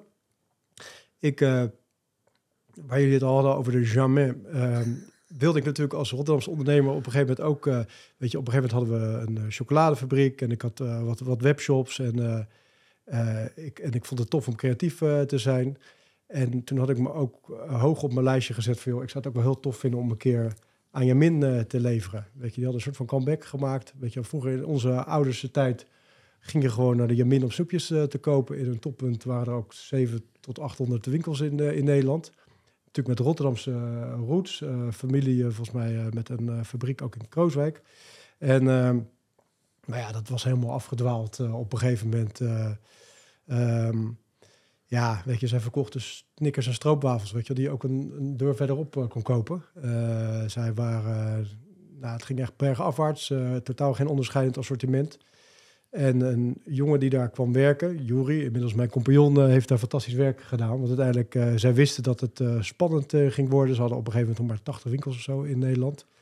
Eh, er moet nu wat gebeuren, anders eh, ja, zijn we gewoon eh, niet onderscheidend in, de in, de, in, de, in de winkelstraat.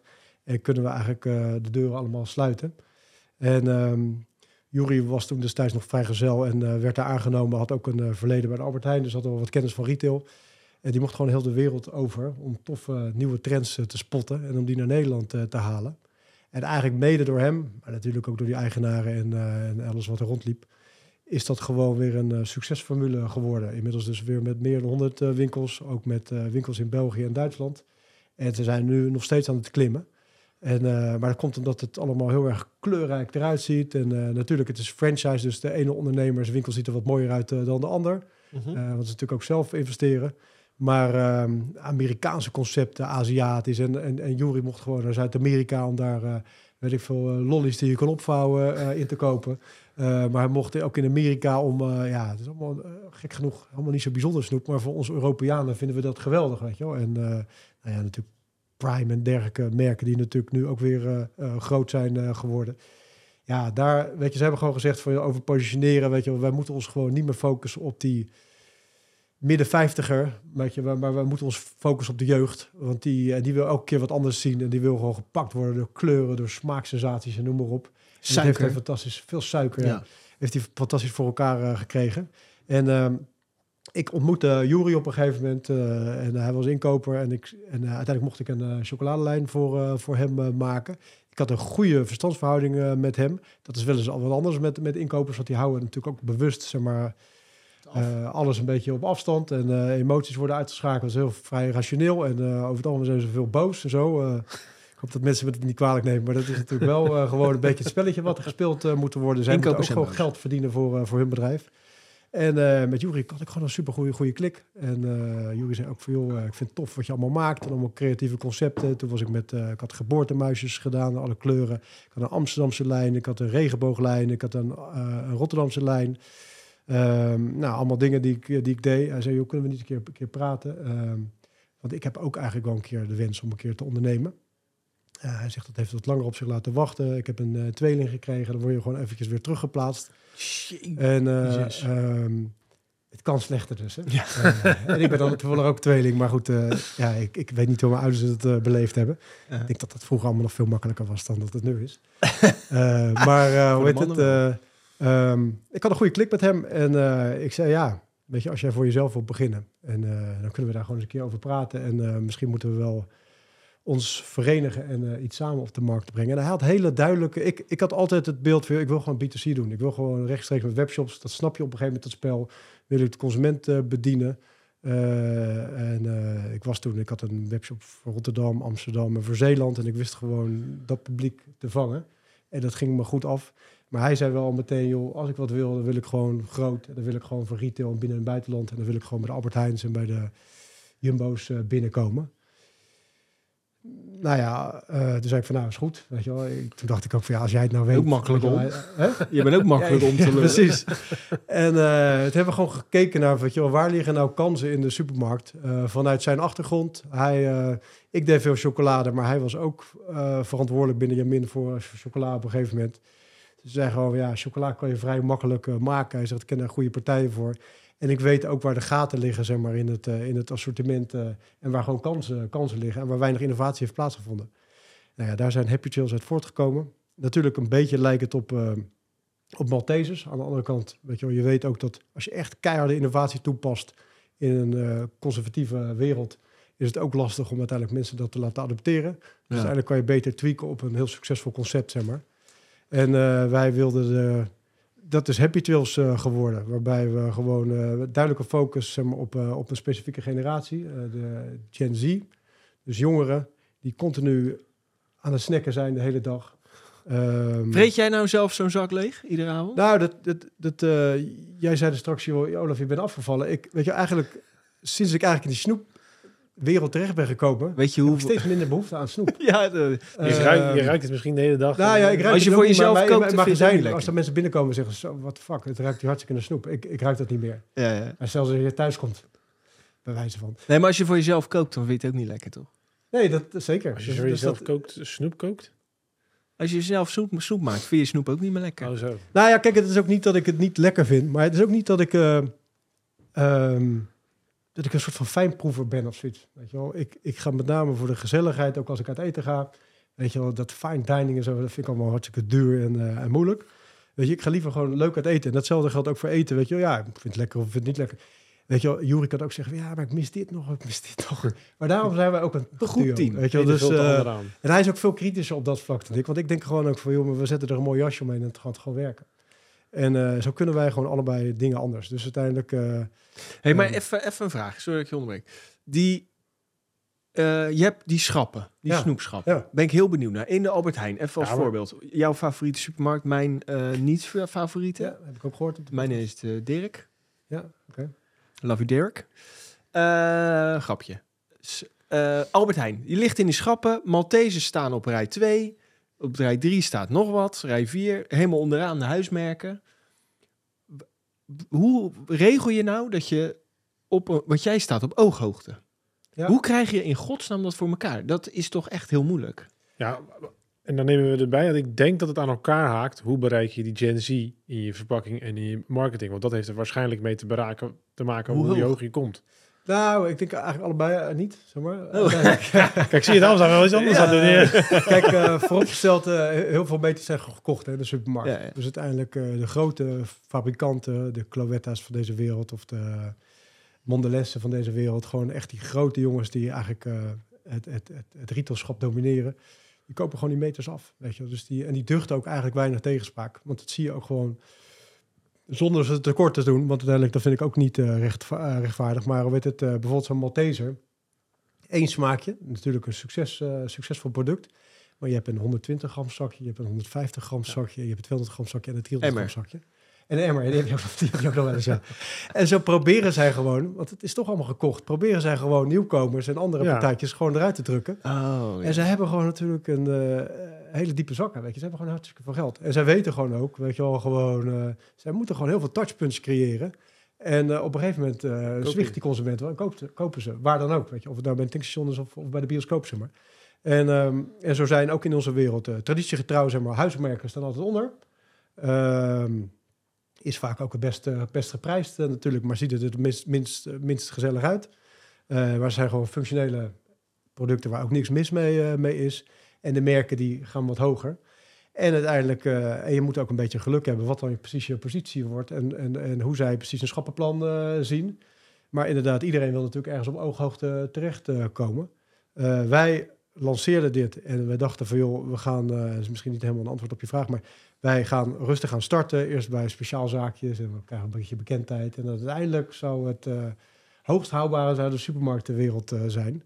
En mensen in onze omgeving hadden gezegd van joh, en als je dan een supermarkt begint, want dat begin er niet aan, begin er niet aan, zeiden, mensen al van ja, maar wij zeiden veel, fuck it, weet je gewoon, wat zeuren jullie allemaal? Wij willen dit gewoon voor elkaar krijgen als soort van David de Goliath. En, maar begin dan in ieder geval niet met Albert Heijn, want dat is echt de moeilijkste en dat is de grootste. En eh, begin dan gewoon met een eh, supermarktketen met 30, 40 winkels. En eh, dan kan je ook het spelletje leren en, en dan kan je vriendjes worden. En dan kan je vanuit daar, vanuit succes gewoon opschalen.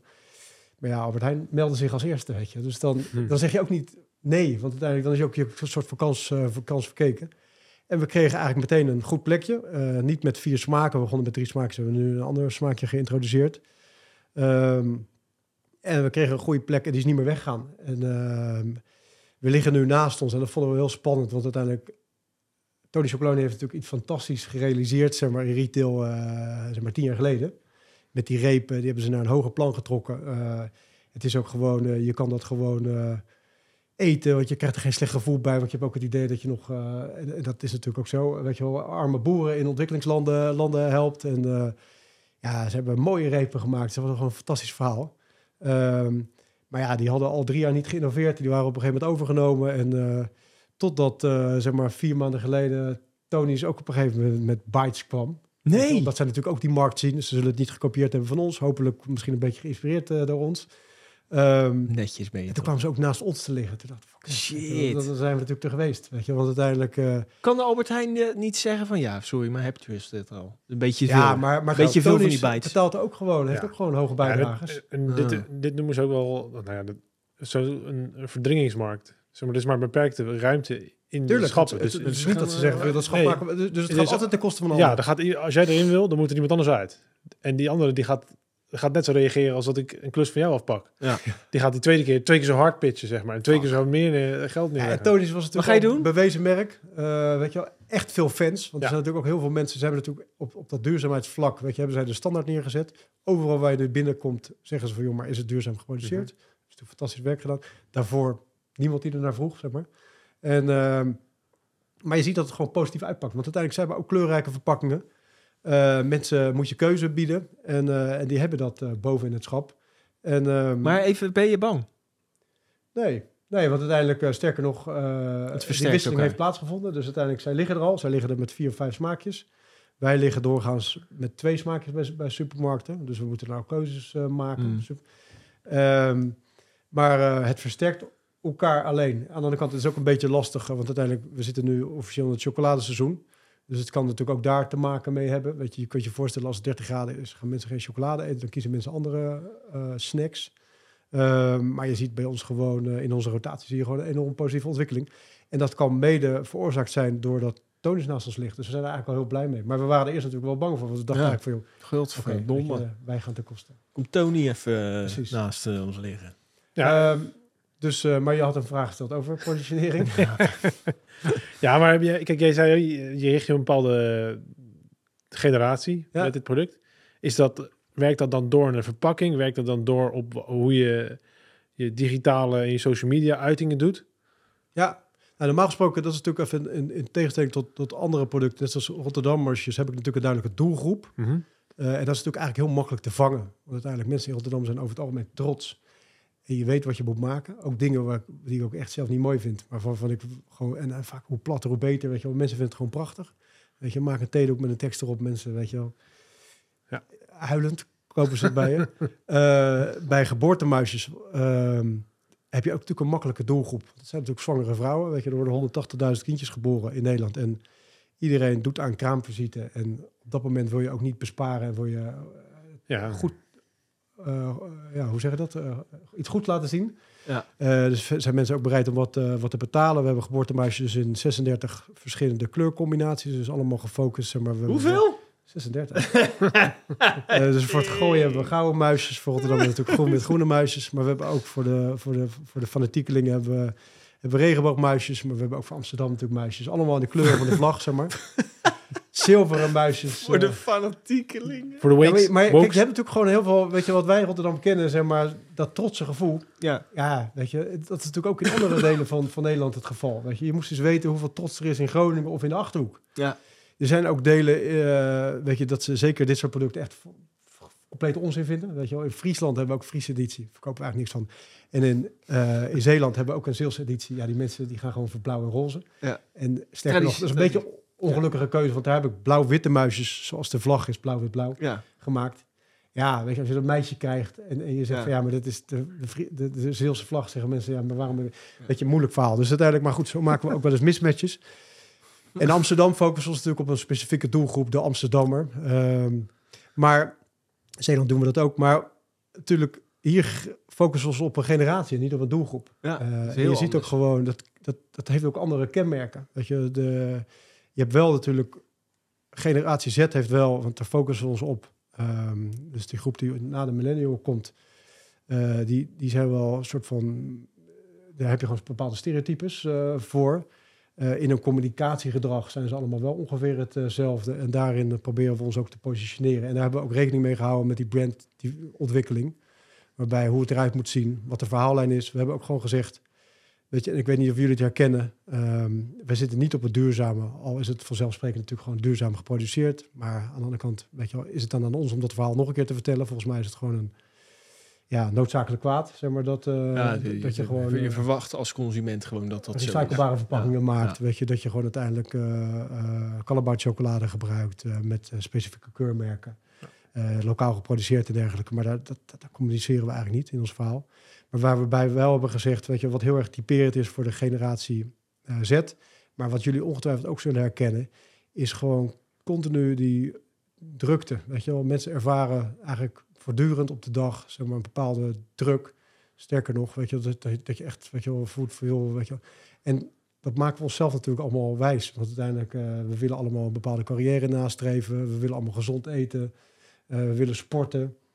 Maar stiekem aan blijft er geen enkele tijd over om echt iets leuks te doen, zeg maar. En ik wil het allemaal niet te zwart-wit eh, maken, maar dat is natuurlijk wel iets wat heel erg leeft bij die generatie Z.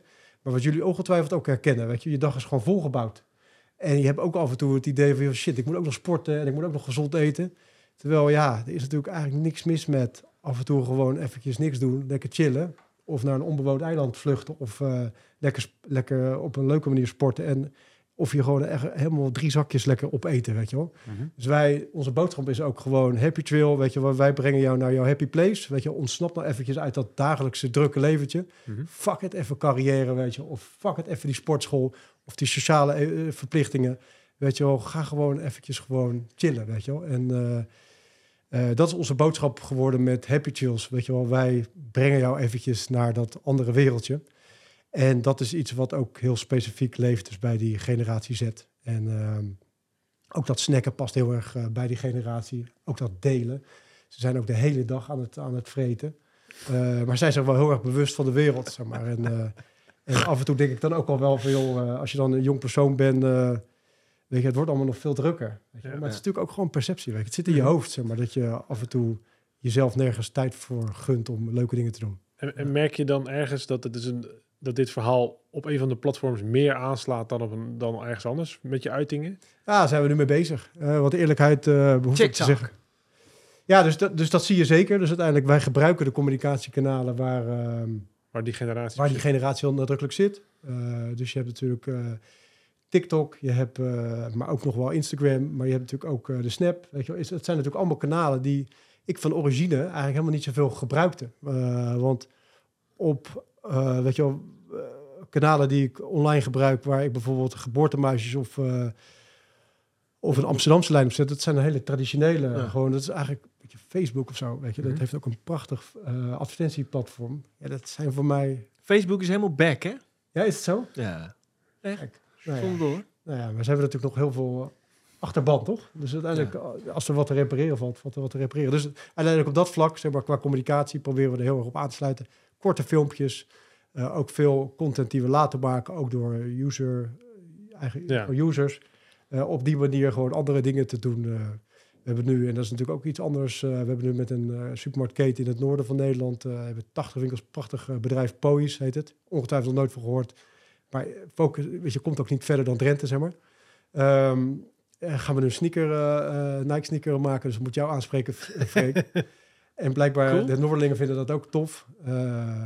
En ehm, ja, op die manier proberen we gewoon op andere manieren de aandacht eh, te pakken. En dat moet ook, want uiteindelijk, we hebben natuurlijk ook niet zo'n portemonnee van, eh, we hebben, eh, zo- zoals ze gemiddelde aanmerken hebben. Weet je, die Nee. kunnen gewoon, voor mijn gevoel, hebben zij gewoon eindeloze portemonnee die nooit opraakt. Zij kunnen gewoon blijven spenden, spenden, spenden. Ja, wij moeten gewoon heel selectief zijn en keuzes maken. En creatief. en creatief zijn. En dat spreken we aan. En, en het leuke is, daar is nu ook weer wat geld voor beschikbaar. Want we doen dit nu anderhalf jaar ongeveer. Eh, we liggen bij meer dan duizend winkels. Dus dat is al natuurlijk een hartstikke leuke achievement. We willen graag doorgroeien naar 2000 winkels. En we willen daarna heel graag ook naar het buitenland. En dat doen we wel incidenteel al in de IJslandse case- keten die ons voert. Scandinavië doen we wat dingetjes. Leuk. In Duitsland wat dingetjes. Maar goed, weet je, alles wat je aandacht geeft kan groeien. Maar alles wat je geen aandacht geeft, dat groeit niet, zeg maar. Dus we hebben er eigenlijk ook helemaal geen tijd voor. Dus we hebben gewoon gezegd van, joh, we willen focussen op Nederland. Ehm, we hebben alles op eigen kracht eh, gedaan eh, tot nu toe. We schrijven zwarte cijfers. eh, dus dat is allemaal heel erg knap. En dan mensen denken ook af en toe, weet je, als ik op een verjaardag kom en ik lever de Albert Heijn, zeggen ze zo, what the fuck, weet je, ben je miljonair, weet je? Maar dat is alles behalve. Zo, weet je, je hebt echt veel verkooppunten nodig om uiteindelijk er echt wat aan over te houden. En dat beperkt ons ook, zeg maar, de andere, afgelopen anderhalf jaar om echt iets aan marketing te doen. Want uiteindelijk, als jij natuurlijk een niche bedient, zoals snoepjes in Rotterdam, heb je maar een beperkt budget nodig. En, Ja. eh, en mijn ROAS, zeg maar, is dan eigenlijk ook heel groot. Weet je, ik, ik zie gewoon elke euro die ik stop in, eh, in, in, in mijn advertenties, wat dat uiteindelijk oplevert onderaan de streep. En, eh, en nu moet ik opeens met de big boys, moet ik, moet, Hmm. moet ik daar een Ja. plekje in, in, in het schap zien te krijgen. Maar dan moet ik natuurlijk ook in potentie een hele grote groep. eh, weet je, ik heb geen geld voor tv-reclames. eh, dus we moeten echt op. We moeten vindingrijk zijn en we moeten Ja. juist op, op andere creatieve manieren. En daarom zijn we nu eigenlijk vanaf 2024 zijn we nu. Want we hebben gewoon een bepaalde investeringsbehoefte. Weet je, dan zit je gewoon net wat ruimer in je jasje. En dan kan je dus ook gewoon heel fucking Nederland laten horen zeg maar, wat voor toffe dingen we doen. Ja. We willen ook gewoon impact maken, ook in andere categorieën, met andere toffe snack tussendoortjes. Eh, maar eerst moet dit avontuur eh, slagen. Dus we zijn nu een actie begonnen. Oké. En een half jaar geleden stond ik daar heel erg eh, negatief in. Dat ik dacht van ja, crowdfunding, weet je, past dat bij ons? ons? Maar we hebben eigenlijk wel heel veel fans van het eerste uur. En mensen reageren er ook heel erg leuk op. Dus eh, die crowdfunding actie gaat hartstikke goed. Waar kunnen we die vinden? Ja, op iInvestor. Dus dat is een uh, iInvestor. crowdfunding eh, platform. Dat is natuurlijk allemaal AFM-plichtig, of ACM-plichtig. En ehm, ehm, dus dat moet je formeel op een net pla- platform doen waar je van alles over ons merk kunt, eh, kunt lezen. Oké, cool. Ehm, En dat is puur voor Happy Trails. puur voor happy trails. Dus uiteindelijk en puur voor marketingdoeleinden. Ja. Dus uiteindelijk wat verder komen we allemaal rond. Gaat het ook hartstikke goed. Maar we hebben gewoon wat extra kapitaal nodig. En daarvoor zoeken we mede-aandeelhouders. Zo moet je, het- Mhm. zo moet je het zien, Freek. Eh, die samen met ons en die eigenlijk ook in die rol van David de Goliath gewoon tof vinden. Ja. En dan is het ook grappig, want je krijgt echt support vanuit onverwachte hoeken. Eh, er heeft zich een investeerder eh, aangeboden die ook nu zeg maar wat een groter deel van ons bedrijf investeringen gaat doen. Dus dat gaat buiten het crowdfunding platform op. Ja, dat is iemand waar ik al jaren niet meer mee had gesproken. En dan, en dan zegt iemand van, ja, maar ik heb je altijd gevolgd en ik vind het echt tof wat je doet. Het is ook een soort van waardering, een soort Leuk, kick, man. weet je wel. Terwijl als je met de hedendaagse dingen bezig bent en je ook in je, af en toe in je irritatiemodus zit, dat je denkt van, fuck, weet je, waarom lukt dit niet? Of waarom lukt dit niet? Of waarom zijn mensen weer kwaad op mij? Of wat dan ook. Ja, dan is dit al wel een soort van waardering dat je denkt van, ja, weet je, het is gewoon hartstikke tof. Ja. Weet je wel, echt steun uit onverwachte hoek. Ja. En ehm, ja, dat is hartstikke leuk. Dus dat is ook weer een hartstikke leuk traject. En dat doe ik dus samen met Jury. Nou, die, dat is natuurlijk Robin van Persie. Dat weten we nu meteen. eh, die persoon die dat eh, investering komt doen. Nou, Ja, dat- die, die heeft eh, alles uitgegeven aan het huis van Peridon. Het was wel erg van Persie. Ja, Ik wist niet precies wie het, het was. Nou ja, kijk, we, we, het is een heel mooi verhaal. En eh, ja, Nee, het is echt, maar het is echt wel een gevecht. Weet je, het is ook Ja. eh, in alle eerlijkheid, eh, wat uiteindelijk zo reëel moet ik wel zijn. Het is een gevecht met de grote, grote mannen. Je wil natuurlijk ook respect tonen naar, eh, naar, Ja. de, naar, naar, naar de mannen die, het, eh, die dat verdiend hebben de afgelopen jaren. Maar anderzijds willen we gewoon ook als challenger gewoon impact maken in die markt. Ja. Maar we moeten dat wel op een hele subtiele, lieve manier doen. Zonder dat wij weer dat elleboog-effect krijgen. Want uiteindelijk, eh, voor mijn gevoel is het altijd... Zeg maar, als me- meneer Mars zeg maar, naar een van die supermarktketens belt... en zegt joh, deze gasten die willen we niet meer op... dan gebeurt dat zomaar. dan lig je Aan de andere kant, wat, wat uiteindelijk de realiteit is ook... dat als je een foto hebt gemaakt van tien jaar geleden van het schap... en, en, en je gaat er vandaag weer naartoe... dan zag het schap er ongeveer hetzelfde uit. Oh wel? Ja, wel. Ja. Want er is gewoon weinig ruimte voor innovatie. Omdat Ja. die gewoon... Die wereld wordt gewoon gedomineerd door de, door de M&M's en de Maltesers. En, en die zeggen, zullen ook zeggen dat ze innoveren. Maar er komt gewoon weer net- netjes een, netje, een nieuw ander smaakje... Of een, of, een, of, een, of, een, of een zakje met een iets ander gewicht. Wij willen gewoon echt anders doen. Ja, en, en het gat is natuurlijk gewoon veel te groot. Het gat is heel groot, ja. En daardoor komen de overleven die, die wat kleinere, die, die gaan die, dat gevecht nooit winnen. Want Nee, die, die, die brug is zo... Ja. En die proberen het wel. Ja, maar Ehm, op den duur... eh, En je moet ook een beetje geluk hebben met je inkopers. Want uiteindelijk als er conservatieve inkopers zitten... die eigenlijk met name gewoon zitten op veilig. Want, die- want je, wat, inderdaad, wat jij zei, Freek... het een gaat ten koste van het ander. Dus uiteindelijk als wij ergens inkomen... ik zeg, eh, we zijn nu bezig bijvoorbeeld met de Jumbo met de Plus... Als wij eh, erbij komen bij de plus, dat betekent dat dat de kosten gaat van iemand anders. Want het betekent niet dat het schap zeg maar me- meters groeit of zo. Ehm, dus die inkoper moet ook een soort van, of category manager heet dat in onze wereld, die moet ook een soort van ehm, calculatie maken. Die moet denken, oké, maar als ik dit bedrijf vervang met het andere bedrijf, weet je wel, levert dat, dat mij Ja. minimaal dan evenveel weer op, weet je wel. ja, nee, inderdaad. Dus Nou, eh, ik zou ook niet in de schoenen willen staan. ik snap het. Nou, ja, ik vind Nou, het een mooi verhaal. verhaal, eh, en we zouden alleen nog... We eindigen altijd met een tip. Ja, Dus dan wouden we in dit geval over positionering. ja. Als jij, zeg maar, in hoeverre moet je dan, als je daar tips over hebt, heb je dit allemaal al voorbereid? Van oké, weet je, hier wil ik gaan staan, dit willen we gaan doen als je een product wil gaan lanceren. Of is het, is het, is het van, nou, dit is wat ik denk en we kijken waar, waar, het schip standt? Ja, weet je, ik denk dat het op zich beide kanten wel op kan gaan. Want je ziet natuurlijk ook best wel veel merken die toch in de rebound uiteindelijk een keer niet succesvol eh, gepositioneerd zijn geweest. En daarna toch uiteindelijk in de rebound wel succesvol zijn geweest. Kun je natuurlijk gedurende de weg heel veel leren. Maar je wil idealiter weer natuurlijk in één keer iets goed doen. Ja. En het is een beetje, ja, misschien een te makkelijke tip. Maar het is uiteindelijk wel gewoon, weet je wel, probeer gewoon heel erg goed voor jezelf te beseffen, zeg maar, wat je wil en wie je wil bereiken. En probeer je dus ook heel erg te verdiepen, zeg maar, in die doelgroepen van die generatie. En je daarop toe te spitsen.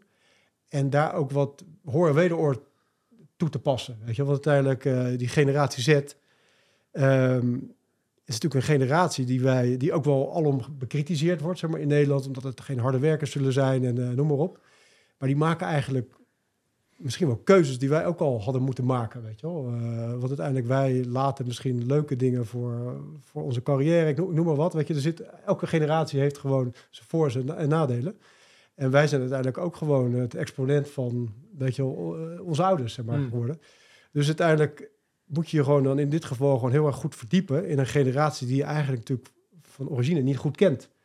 Dus weet je wel, eh, wat typeert die generatie nou en noem maar op. En, en, eh, maar hetzelfde geldt, dat is misschien veel makkelijker, eh, weet je, als jij je focust op geboortemuisjes, weet je wel, ja, je moet een soort van inlevingsvermogen krijgen. Weet je, dus ik werk daar ook met name ook veel met vrouwen. En, en idealiter, weet je, mijn vormgeefster, die had ik op de kop getikt, die, topwijf. Ehm, en ook een fotograaf overigens, die eigenlijk allebei net eh, moeder waren geworden van een dochter of van een zoon. Dus die wisten een beetje welk, welke fase zij bewandelden. En waar zij op dat moment zeg maar, behoeftes aan hadden. En, en, en, en, eh, ja, daar konden ze ons natuurlijk heel erg in, eh, in helpen. Ja. Dus op die manier, zeg maar, als tip, weet je probeer gewoon echt goed te ontrafelen wat er leeft binnen zo'n doelgroep of generatie. En probeer je, ja, je product daar heel erg goed op toe te spitsen. Want uiteindelijk zo'n niche, weet je, keuzes maken is denk ik het belangrijkste wat er is. Want je kan gewoon geen succesvol product zijn voor iedereen, weet je wel. Want uiteindelijk, en dat is uiteindelijk waar ik ook wel door schadershanden ook wel wijzer in geworden ben. Nou, Mooi Oof. Goed zo. zeker. Mooi, eh goede tip. Ik ga denk ik ook in de snoephandel. Maar je- ik heb nog een plekje over voor je. ja, echt? Nee, ik heb wel eens tegen jou gezegd, eh, weet je, ik, ik vind dat je ook toffe dingen maakt. En ik hou gewoon van creatief zijn en innoveren. Eh dat is niet- misschien niet altijd verstandig, zeg maar, maar hoe heet het? eh, Ja, wij zouden, het, wij zouden in de t-shirts gaan, weet je nog? ik zou het ook wel Dat gaan we nog een keertje oppakken. En dat is misschien allemaal hele domme dingen, maar hoe heet het? eh, ik zou het hartstikke leuk vinden. Maar je weet, ik heb ook een chocoladefabriek, dus uiteindelijk eh, misschien kunnen we daar wel hele toffe dingen mee maken. Nou, Kijk. Laten we Freek een documentaire maken over... eh, Precies. Over de misstanden bij ons in de chocolade. ja? Kinderarbeid. Precies. Mensen verzopen in de Nou, chocola. Helemaal goed, jongens. Eh, ik heb weer een baan erbij gekregen. Ja, leuk man. Precies. Hey, ik vond hem helemaal mooi. Ik vond hem ook leuk. Dank jullie wel. Super bedankt dat je er was en dat je ons eh, tips hebt gegeven. En eh, Ja, wie weet tot de volgende verhaal. keer. Ja, Ik vond het leuk om En succes met de handel, hè? ja. Ja, happy trails. Verdomme kopen precies. mensen. Kopen, kopen, kopen. Al deze zakken gaan dadelijk open na de uitzending. En eh Ja, ja, we- komen een kilootje zwaarder gaan we naar het buiten laten. Precies. Nee, je valt er vanaf. Oh ja, dat was hem, ja. Dat werkt gewoon. Ja. Ja. En eh, vergeet niet te liken en te abonneren op eh, de creatieve klank, want we hebben nog steeds te weinig likes. Vind ik ook. En reviews. Views We gaan als een Like. malle review ook. en comments. Ik had laatst comments, comments bij een eh, short Ja, min. dat ik een vies goor teringventje was. Die heb je heel veel duimpjes gegeven. Van Ja, ja, ja. Anoniempje. Of wat? Nee, gewoon een gozer die zei op YouTube, zei die vies goor teringventje over de Geraldine Waal. Oké, nou doei. Dankjewel. Dag. Nou.